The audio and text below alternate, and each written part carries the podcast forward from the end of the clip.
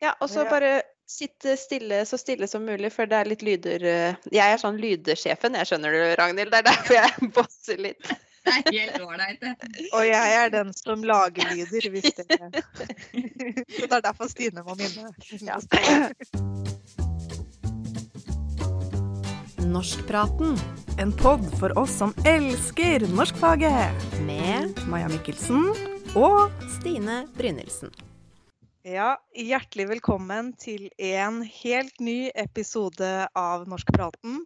Og i dag har vi vært eh, så heldige at vi har fått eh, besøk av en eh, god kollega på Høgskolen i Østfold, nemlig Ragnhild Nesje. Og grunnen til at vi ville invitere deg, det er at du leser veldig mye litteratur. Og du er særlig glad i fantasy, og da hadde vi lyst til å lage en eh, episode om eh, fantasy-litteratur. Jeg vet ikke om du vil kalles ekspert, men jeg tror i hvert fall at du kan mer om fantasy-litteratur enn de aller, aller fleste. Ja. Har du lyst til å si litt mer om hvem du er, Ragnhild? Jo, det kan jeg jo selvfølgelig. Jeg eh, jobber jo da på Høgskolen i Østfold og, og er norsklærer eh, på grunnskolelærerutdanninga mest. Eh, på de som skal bli lærere på første til syvende trinn. Jeg har vel en finger med i spillet på det meste der. Bare hold meg unna grammatikken, så kan jeg gjøre det meste. Men jeg har jo, som du sier da, Maja, et eh, hjerte for eh, litteratur. Med bildebøker og andre bøker. Og jeg hører ja, ekstremt mye. Det blir vel sånn cirka jeg leser og hører mellom 60 til 80 bøker i året. Så, og fantasy er vel eh, Det er ikke det jeg hører mest, men det er kanskje det allikevel, da. Jeg har et hjerte for det. Det må jeg jo si. Jeg har det. Mm. Så Hva gjør, du ja. når du ikke, hva gjør du når du ikke underviser på Eller hva underviser du mest på, og hva gjør du når du ikke underviser? Nei, altså Det jeg underviser mest på, det er jo eh, Jeg har vel egentlig all litteraturen eh, på høsten. Eh, barne- og ungdomslitteratur. Eh, og så har vi litt lesedidaktikk. Begynneropplæring eh, også noe jeg er, eh, er med i. Vi har eh, altså å lese lesedidaktikk med, og skriving med elevtekster. Eh, Hvordan studentene kan hjelpe elevene til å bli gode skrivere, rett og slett. Da. Mm. Og Så- veit jeg jo at du er veldig Mm. kreativ i undervisningsoppleggene dine. At du jobber bl.a. litt med storyline og Ja, det gjør jeg jo også. Eh, den glemte jeg jo litt, fordi at vi har ikke fått gjennomført den i år. Det er veldig trist. Eh, men det er veldig moro. Og det er en uke på høsten eh, hvor vi har jobba med storyline. Og det er jo et samarbeidsprosjekt da, mellom matematikk, som også er et fag på NT7, fordi de har jo obligatorisk norsk og matte. Og da er det så lett å samarbeide. Og så har vi god hjelp av pedagogikkseksjonen med eh, Kristine der. Eh, og den storylinen vi har kjørt, da, eh, der er jo fantasy hovedtema. Så vi har vel på mange måter kalt den litt sånn fantasy møte matematikken. Hvor de studentene må inn i grupper og leve i et univers. Lage sitt eget univers og være egne karakterer. Og så kommer vi selvfølgelig å ødelegge litt for dem. så, så da må de inn og lete etter hva som skjedde. At det blir litt katastrofe. Og inni der så blir det jo mye gøy, da. For det er jo lesing og skriving, og de må skrive og lage egne fortellinger, en etterfortelling, eh, som de også skal på mange måter illustrere i en liten fortellerkoffert. Som, eh, sånn at den blir jo ganske relativt multimodal, da, ved at de må skrive den, og så må de illustrere den eller lage den eh, i en koffert med lys og bilder og glitter og stas. Altså, de er, blir kjempefine. Veldig gøy. Ja, det høres kjempeinteressant ut, eh, Ragnhild. Men du, jeg er veldig nysgjerrig på den masteroppgava di, og jeg kan ikke du fortelle litt mer om den? Det kan jeg vel. Den fikk jo tittelen altså, Hva kalte jeg nå? Det har jeg glemt en gang. Altså, Nyere norsk fantasy for barn og unge. Eh, og så ble det med en eh, analyse da, av eh, 'Landet under isen', skrevet av Lars Mæhle. Mm. Så det jeg gjorde da, var jo eh, egentlig å prøve å finne ut av hva fantasy faktisk er. For det er eh, en del teoretikere som har skrevet mye om fantasy. Eh, og så var jeg da egentlig mest interessert i, i barne- og ungdomsbiten av fantasy. Eh, når ble fantasy en eh, sjanger for barn, rett og slett. Eh, og siden jeg var opptatt av det norske, eh, så valgte jeg å støtte meg til tre nordiske teoretikere, rett og slett. Eh, som har skrevet en del om dette her, da. Mm. Og, og hvis du skal, for de som ikke er så kjent med fantasy-litteraturen, hvis du kort skal gi en eh, definisjon, hva, hva ville du sagt eh, da? Vi, vi skal prate litt mer om det seinere òg, men bare sånn innledningsvis.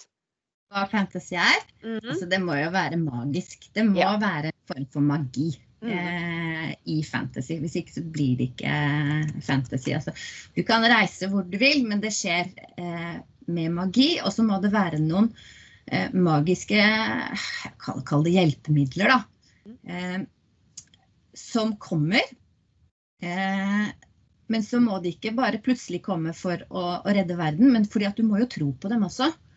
Altså, man kan jo ikke redde alt med fantasy Nei. eh, og, og fantastisk, eh, men man må også eh, kunne tro på det. Så det er viktig. Mhm. Så det er kort og gæli. Mm. Eh, Mm. Du, du, fantasy blir jo ofte omtalt som formellitteratur. Mm. Går det an, ja, hva, hva er det liksom det formelaktige, eller? Nei, altså eh, fantasy eh, Jo, det blir kalt formellitteratur mye fordi at det er hentet så mye fra bl.a. eventyr og sagn og myter. Eh, og siden eventyrene da er en muntlig sjanger, ikke sant? og at man skal kunne huske det, så er mye av det samme inn der at du må ha altså Dette her med kampen mellom det gode og det onde er med. Eh, det er en profeti, det er et barn, det er eh, I hvert fall i den barnebiten da, som vi snakker om nå. Eh, altså dette utvalgte barnet, da. Mm. Så det er mange sånne ting som må være med for at det skal eh, bli ja, At det blir en sånn formel, en type oppskrift på det. Eh, det gode og det onde, altså den har jo på mange måter kanskje vært litt svart-hvitt, da. Ved at det er det ytre som, som eh, blir det gode og det onde. Mens i den nyere barnelitteraturen nå, så har det kommet mer at vi ser mer komplekse karakterer. At, eh, at det skjer noe med, med karakterene også. At det ikke bare er denne kampen. Men, men hvorfor begynte du egentlig å interessere deg for fantasy-litteratur, da? Vet ikke. Nei. Ærlig svar, det. Det er mange som har spurt meg om det, og så sier de men Ragnhild, du har jo aldri lest det. Så sier jeg jo, jeg har jo det. Men jeg har lest eh, barne- og ungdomsbiten av det, da. For det er jo For voksne så er det også en del eh, Den er tyngre på noe vis. Mm. Eh, mørkere. Jeg har lest litt av det også, men jeg eh, jeg, jeg trives godt med den eh, altså sånn crossover, som det også så fint heter. Med at den passer for både voksne og barn, som type ungdomslitteratur. Og så er vi alltid blitt fortalt eventyr og, og hørt mye sånn da jeg var liten. Ja. Og du, du har, hva var liksom den første leseopplevelsen på en måte som du Altså fantasy-leseopplevelsen din, da? Den jeg husker, mm. det var 'Brødrene Løvehjerte'. Ja, ikke sant. Ja, det var det, vet du.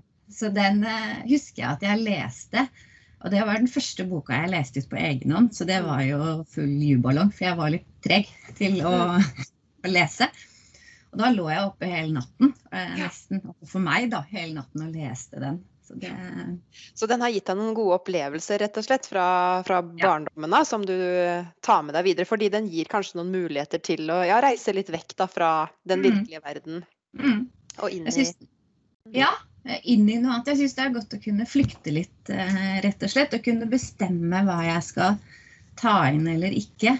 Mm. Eh, Sånn sett opp mot det som er eh, mer dokumentarisk eller dønn realistisk, da, hvor du, hvor du må ta inn alt. Mm. Mens her blir det kanskje mer pakket inn i en annen verden eller noen andre ja, mytiske figurer som kommer inn og overtar litt. Da.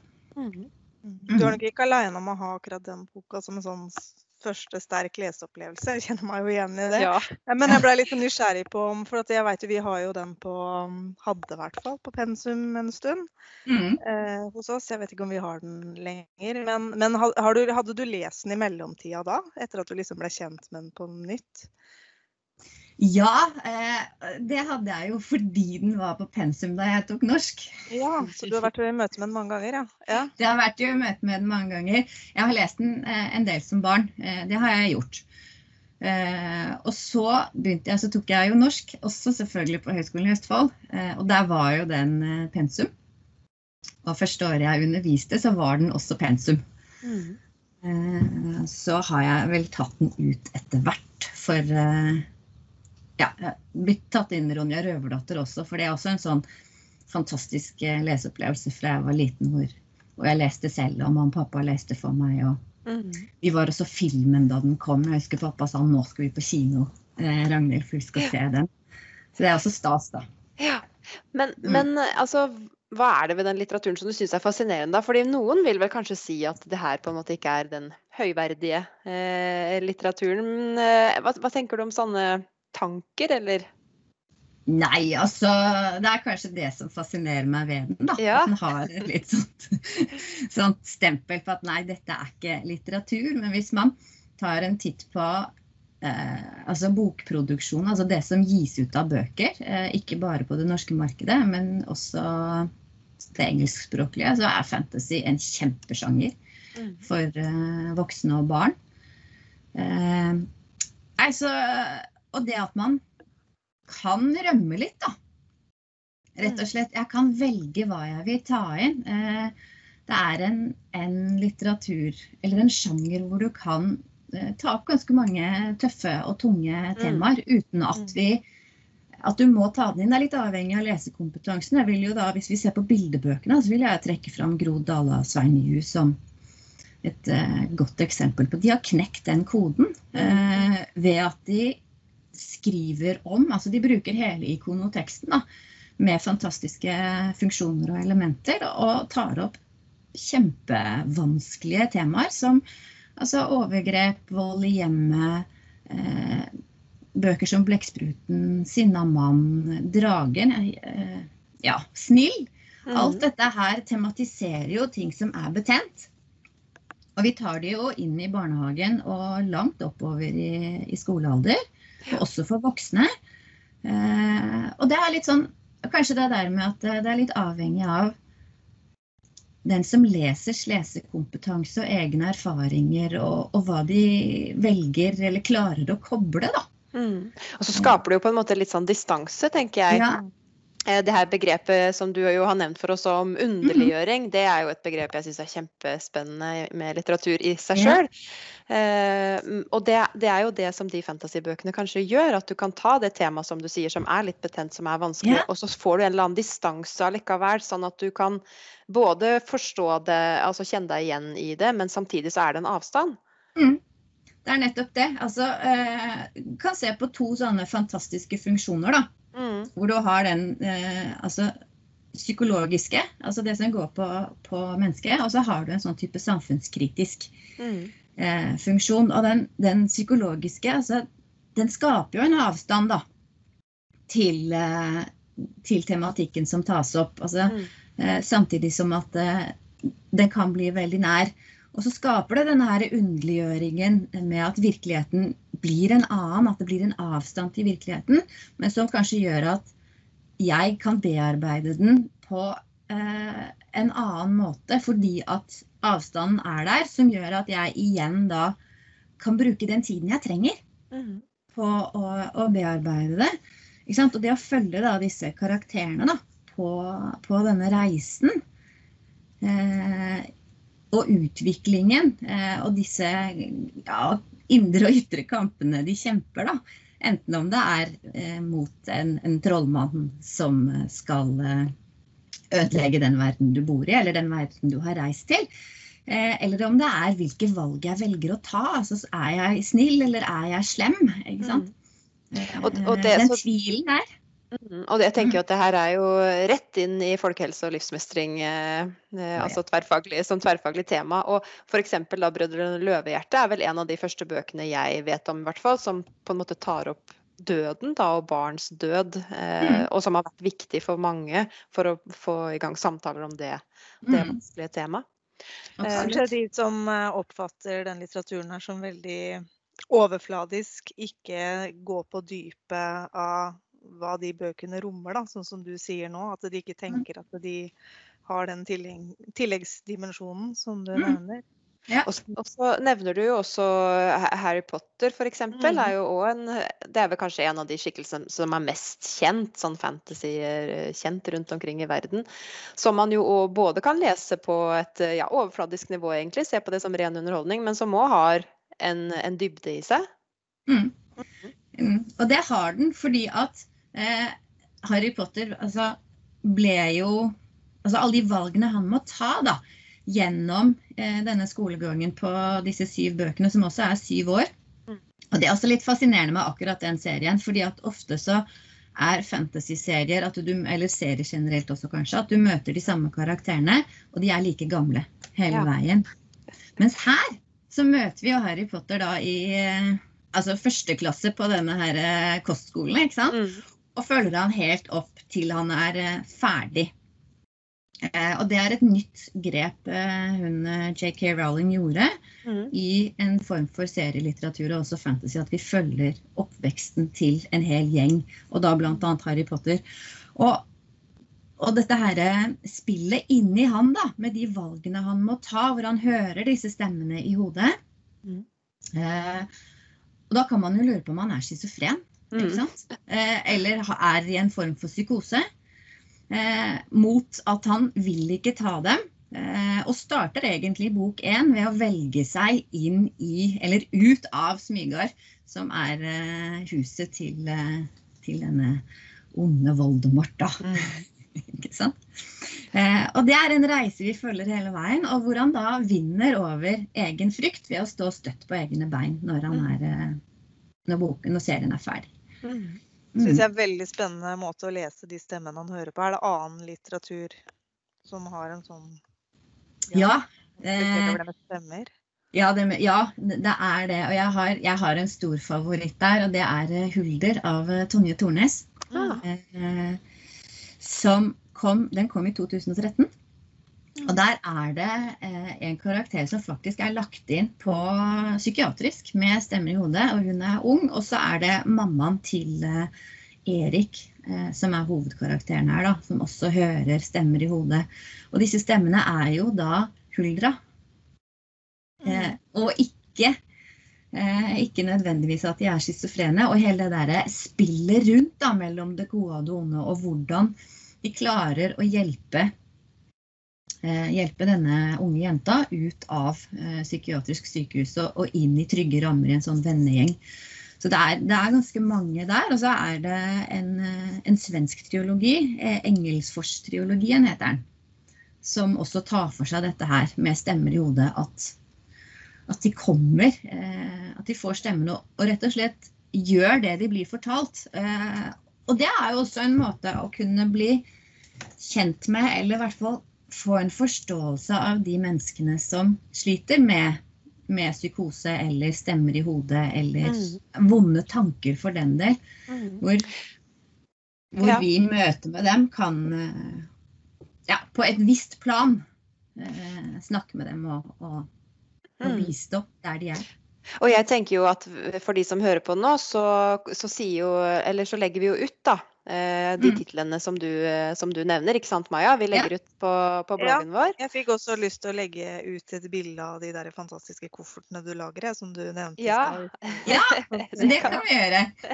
Ja. Eh, De har jeg på kontoret. Nei, men jeg har jo bilder av dem, så det kan, det kan vi gjøre. Ja, nei, for det er til etterfølgelse, altså. Men jeg, du, Ja. du har også sagt noe om dette her med For du sa litt om paratekster, og så ble jeg nysgjerrig på om Ja. Paratekster i denne type litteratur skiller seg fra parateksten i annen type barnelitteratur. Og kanskje vi skal bare stoppe to sekunder og si hva er egentlig en paratekst? Ja, det kan godt. Ja. Det er jo omslaget til boka. Alt som ikke har med selve fortellingen å gjøre, egentlig. Eh, til og med innholdsfortegnelsen, kan vi vel si. Mm. Hvis vi ser på boka og for- og bakside eh, av den. Eh, og hvis vi ser på forside og bakside av paratekstene, da, så ofte så, så utnyttes de eh, kanskje bedre i fantasy-litteraturen ved at de tar inn elementer eh, Altså fargene, snirklene det, det er så mange ikoner, det er så mange små detaljer i, i disse paratekstene som kan eh, kan hjelpe leseren også, også, eller egentlig også denne her gripefaktoren av boka. Ikke sant? Ja. Man blir nysgjerrig, og at man Ja. ja, får lyst. Jeg tenker jo også på karta. Jeg tenker Ja, f.eks. på Ringenes eh, herre har vel Mm, sånne ja. eh, kart. Ja. Du har jo kart. Eh, og det har jo også den eh, Landet under isen, da, som eh, jeg skrev om i min masteroppgave. Den har eh, to kart, og det er det ikke alle som har. Eh, for den har et kart av eh, Smalvik, da, som er den lille bygda eh, som eh, hovedkarakteren som heter Leo Rubin bor i. Og så har den et kart bak i boka som er av landet under isen. Og da kan vi jo bruke dette kartet som egentlig en form for innholdsfortegnelse også. For ved å ikke hoppe over kartene, da, som mange gjør, eh, så kan vi danne oss et bilde av den fortellingen som vi skal i gang med. Og sånn sett så kan det gjøre det lettere for, eh, for leseren å faktisk eh, komme fort inn i fortellingen. Ja. Og så kan du reise med karakteren. Ja, nå er han der, og hvorfor det? ikke sant? Sånne ting, da. Det, det tenker jeg jo, det skaper jo Det er jo med på å bygge ut hele den her verden da, som du kan mm. eh, både gå inn i sjøl som leser, men som òg kanskje lærere, da, hvis man tenker at de skal bruke de tekstene her i undervisninga, kan bruke til å skape den nysgjerrigheten og motivasjonen og forståelsen, som du sier, gjennom at det faktisk er et slags innholdsfortegnelse. Mm. Mm. At det, at det blir det, eh, det visuelle. eh, Fordi at vi må også ta hensyn til de elevene som Eller også leserne, da, som er Mm. svært visuelle i, Mm. i dette her. Og da kan det hjelpe dem til faktisk å, eh, å gå inn i, i, i det. Og så kan vi blåse dem opp og lage dem store, Mm. disse kartene. Eh, og ha dem på veggen og, og ordentlig reise med dem. Og så har jo vi, eh, vi snakka litt før, eh, før vi gjorde opptak her nå, om det her med gutter og lesing, og om det kanskje Mm. kan være at både de paratekstene, det mystiske, at det kan være elementer her som kan være ekstra attraktive for gutter. Vet du noe om det, eller har du noen tanker om det? Ja, eh, altså jeg vet ikke så mye om det, men noen tanker har jeg jo fordi at det, eh, det er litt action i disse bøkene. Mm. Det skjer jo noe. Altså det blir en sånn derre jeg, jeg må videre Mm. Og lese videre. Eh, og så er også ofte hovedkarakterene Det er ikke entydig jenter eller gutter. Eh, det kan være begge deler. Vi ser jo Harry Potter er jo eh? Hovedkarakteren er jo en gutt, Harry Potter, men allikevel det er en trio. Mm. med Hermine og, Ronny, da. Mm. Der er det gutt og jente inni der. Det samme har du med Narnia, som på mange måter er en favoritt hos meg, da. Ja. Den er jeg veldig glad i. Der er det jo søsken, eh, ikke sant? Fire søsken, hvor det er to gutter og to jenter. Eh, sånn at guttene kan gå inn og ta eh, rollene sånn stereotypisk, kanskje litt jentete roller. Og det kan jentene gjøre motsatt også, sånn at det, at det kan favne mange, da i dette her, i tillegg til at eh, forsiden, altså paratekstene, også eh, fenger noe i det. Eh, at det er eh, Ja. Men, men eh, jeg, jeg, eh, altså nå har vi jo snakka litt om det her med, med eh, folkehelse, livsmestring, tematikk og identifikasjon og det å kjenne seg igjen og det å liksom bli Mm. dratt inn i teksten. Men du nevnte noe i stad òg om, eh, om fantasy og samfunnskritiske ja. temaer. Sånn, da tenker jeg jo demokrati og medborgerskap er jo Er det en Mm. mulighet òg? I aller høyeste grad så, så er det det. Eh, fordi at det, eh, her kan du, ved at fantasy-litteraturen lager et eget univers, Mm. ikke sant? Enten så er det eh, i vår verden, da. Altså det, vi kan si at det, det kan være mange verdener, men vi kaller det da ofte for den primære verdenen, som er den vi kjenner igjen. Mm. Og den sekundære, som er den eh, som man kan reise til, eller også at fortellingen er der. Men ved at man lager eh, samfunn, ikke sant? egne samfunn, så kan vi jo ta opp alt fra skolepolitikk til miljøpolitikk Mm. til eh, eh, eh, religions... Eh, eh, altså religionen. Kritikk, ja. Ja, religionskritikk. Eh, eh, og se på det, og også hvordan vi behandler hverandre som mennesker. Mm. Altså dette her med mobbing, undertrykkelse. Er den ene rasen bedre enn den andre? Hvorfor, hvorfor har den religionen Altså vi kan se det som igjen da, litt sånn på utsida. Eh, og få en forståelse av hvorfor de går kledd som de gjør, hvorfor tankesettet er som det er. Eh, ja. Ha, ha, ja. Har du noen eksempel da på noen, noen litteratur som du tenker egner seg? Vet du hva, 'Landet under isen' er faktisk eh, på, på når det gjelder religionskritikk, da, eller eh, Ja. Så er den veldig god, fordi at det, når du kommer til 'Landet under isen', så er det da tre samfunn der. Og disse tre samfunnene er egentlig bildet på tre religioner. Kan være. Eh, For da har du islam, og så har du jødedommen, og så har du kristendommen. Eh, Med hvordan de er bygget opp, hvordan klærne beskrives, eh, hvilke tanker de har, og, og reaksjonsmønster. Så den er kjempefin til det, altså. Mm. Når vi først er inne på det her med tverrfaglige temaer, så kan vi jo også snakke om bærekraftig utvikling. Altså, du nevnte Ja. litt det her med, med forhold til naturen, og da har du nevnt en bok før av Siri Pettersen, Ja, Så den tenker jo Eh, aktuell. Ja, den er, den, det er også en, en triologi. Eh, Siri Petersen hun debuterte i 2013, hun også, eh, med 'Ravneringene'. Og da kanskje spesielt bok to, eh, som heter 'Råta'. Mm. Eh, hvor denne hovedpersonen, Hirka, da, som eh, reiser fra Ymslanda eh, i bok én, hvor hun befinner seg, og så kommer hun da til bok, i bok to, til vår verden. Og da ser jo hun med et eh, annet blikk, for Ymslanda er en mer middelaldersamfunn. Og så kommer du da til typ eh, 2000-tallet. Eh, og ser på hvordan folk eh, Altså naturen som ikke er til stede der. Det er mye asfalt. Folk går med sånne hvite lakrislisser i øra og ser på en skjerm. Mhm. Epler råtner ikke. Det er ikke Altså disse urtene som hun da er vokst opp med, er, er jo ikke å finne i, i den naturen vi har. Altså bruk og kast-samfunnet også. Kjøleskapet, hvordan vi følger moten, da. Eh, og gir bort de gamle klærne våre. Da er vi snille, for da gir vi dem til Frelsesarmeen. Eller til kirken, ikke sant.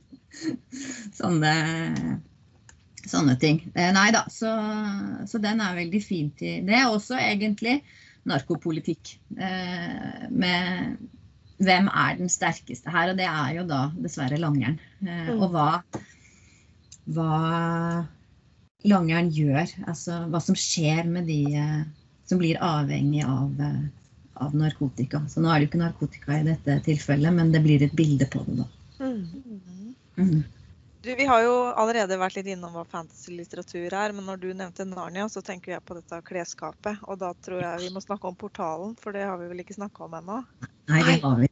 Og det, det må vi jo egentlig. Fordi at det, eh, mange sier jo også portalfantasy.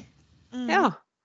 Eh, at det på en eller annen måte er, eh, er en portal. Og det er det jo, eh, på noe vis. Vi kan vel kanskje dele det inn i tre, da, hvis vi skal lage Jeg er litt glad i sånn litt system. Mm, Ja. Det kan vi kjenne igjen. Ja. og siden Maja nå tok opp Narnia, eh, så er jo det en fortelling hvor vi starter i, i den primære verden, altså i oss, eh, hos oss, og så reiser de til en sekundær verden da gjennom en portal. Og det fascinerende med portalen, da, sånn jeg ser det, er jo at den kan være hvor som helst. Den kan være på kjøkkengulvet, den kan være på toget, den kan være midt i gata. Altså, den kan være virkelig hvor som helst. Mm. Eh, Men den eneste måten du kan reise gjennom denne portalen på, eh, det er jo magi. Mm. Det er en form for magi. Men da reiser de fra primærverden til den sekundære og kommer stort sett tilbake.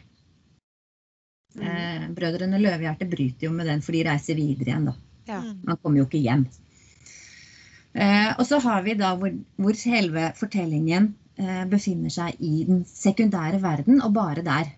Mm. Eh, det kan jo være mennesker der også, eh, men 'Ringenes herre' er jo eh, en, en klar, et klart bilde på det. da.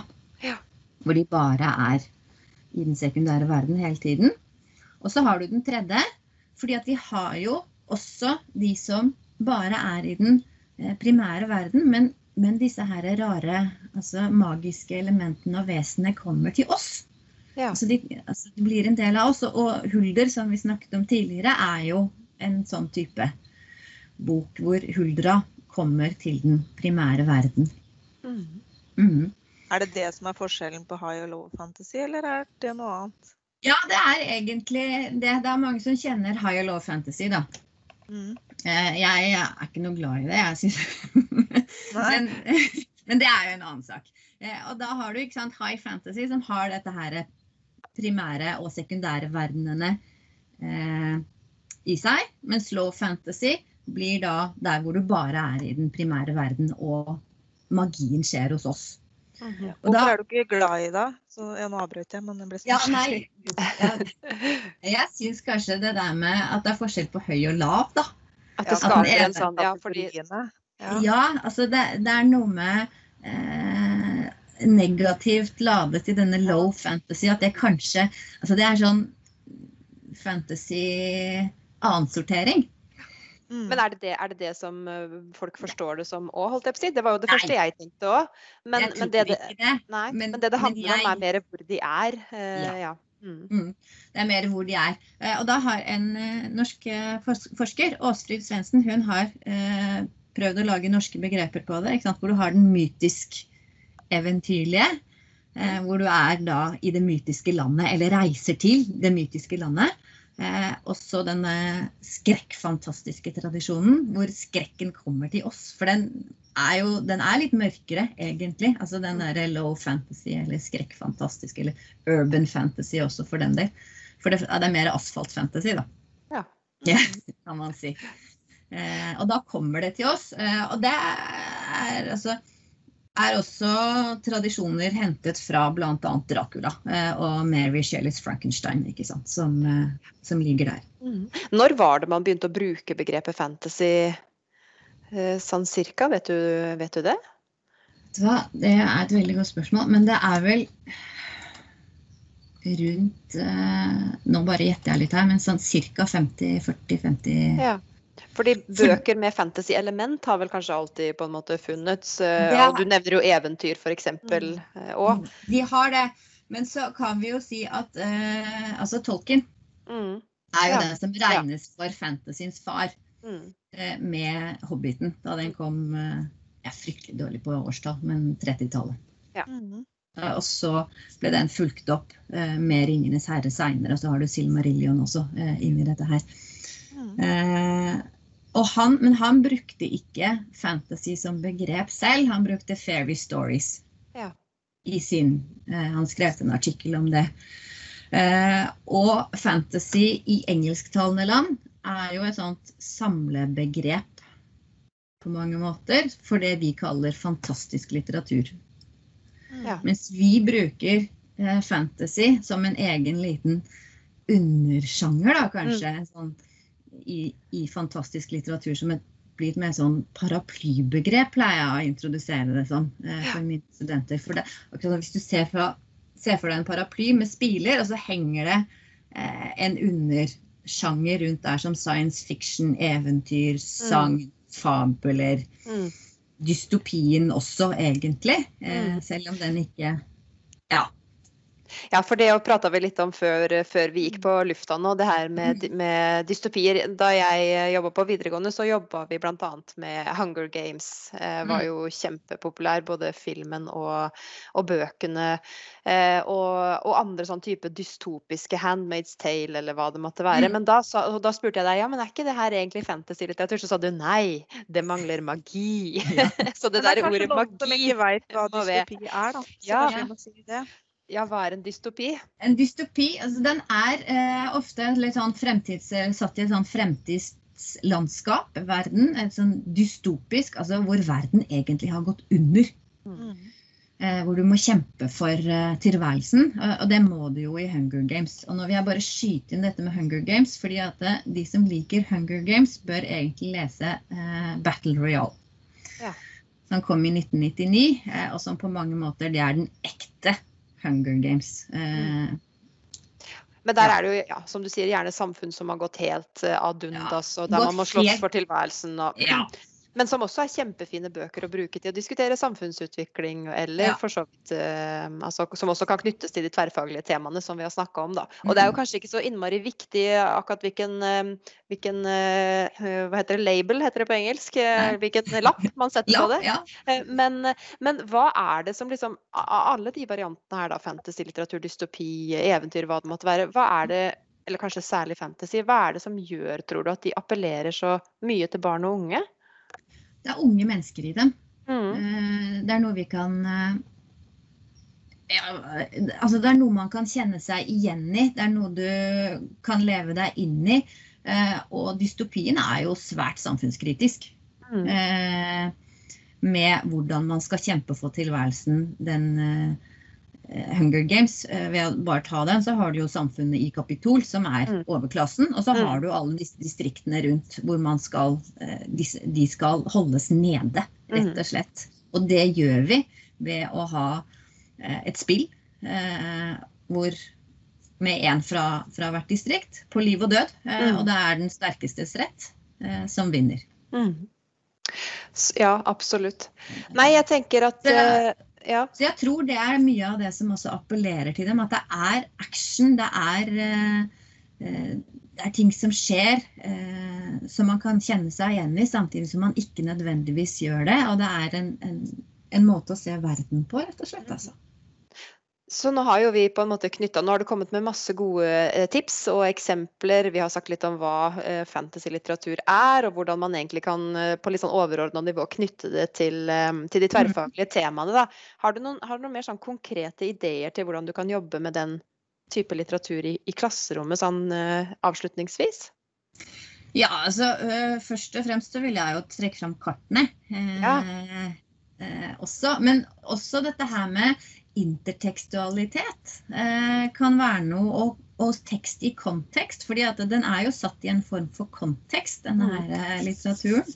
Eh, og siden da fantasy på mange måter er den formellitteraturen som øser, altså den virkelig henter inn inspirasjon fra myter og, og, og sagn og eventyr. Er, Harry Potter er et glimrende eksempel på det, for den har Mm. hentet inn masse fra dette skattkammeret som er.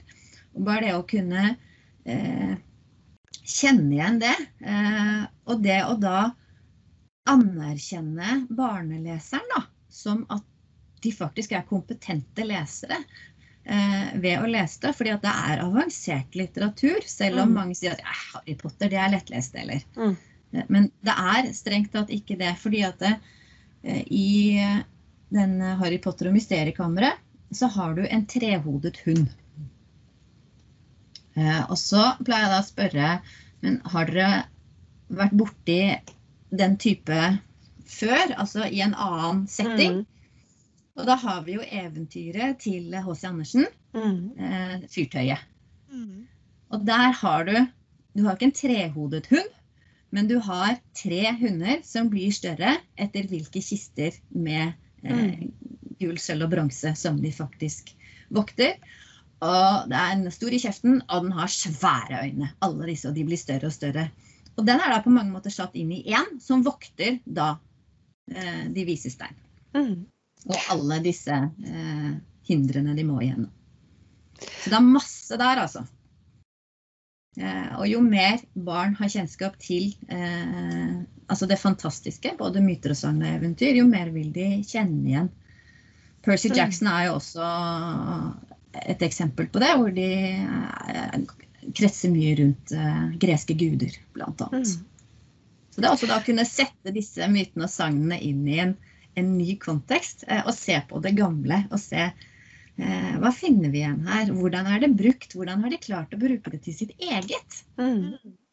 For vi stjeler jo alltid fra alle. Ikke sant? Men det, det er bare det å bruke det til sitt, da. Mm. Mhm. Også storyline vil jo jeg trekke fram eh, som Ja, en, Det en, nevnte du jo litt i måte, starten ja. Mm. en måte å kunne jobbe med litteratur på. Eh, både som skriver, som eh, leser, som eh, ja, drama, rett og slett. Drama som Mm. metode også. Ja, for det- man kan lage, da, som du har vært litt inne på Mm.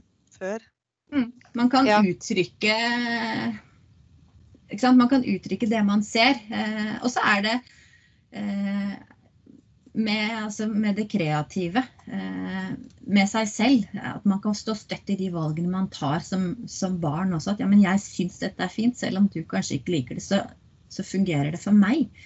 Eh, Mm, så det kan, det kan, egentlig være en inngang til å jobbe med, med både tekst, altså forståelse, produksjon, med ja, leseferdigheter, med egentlig alt. Men at mm. det i tillegg Og man kan være kreativ, og du kan knytte det til ulike tverrfaglige temaer.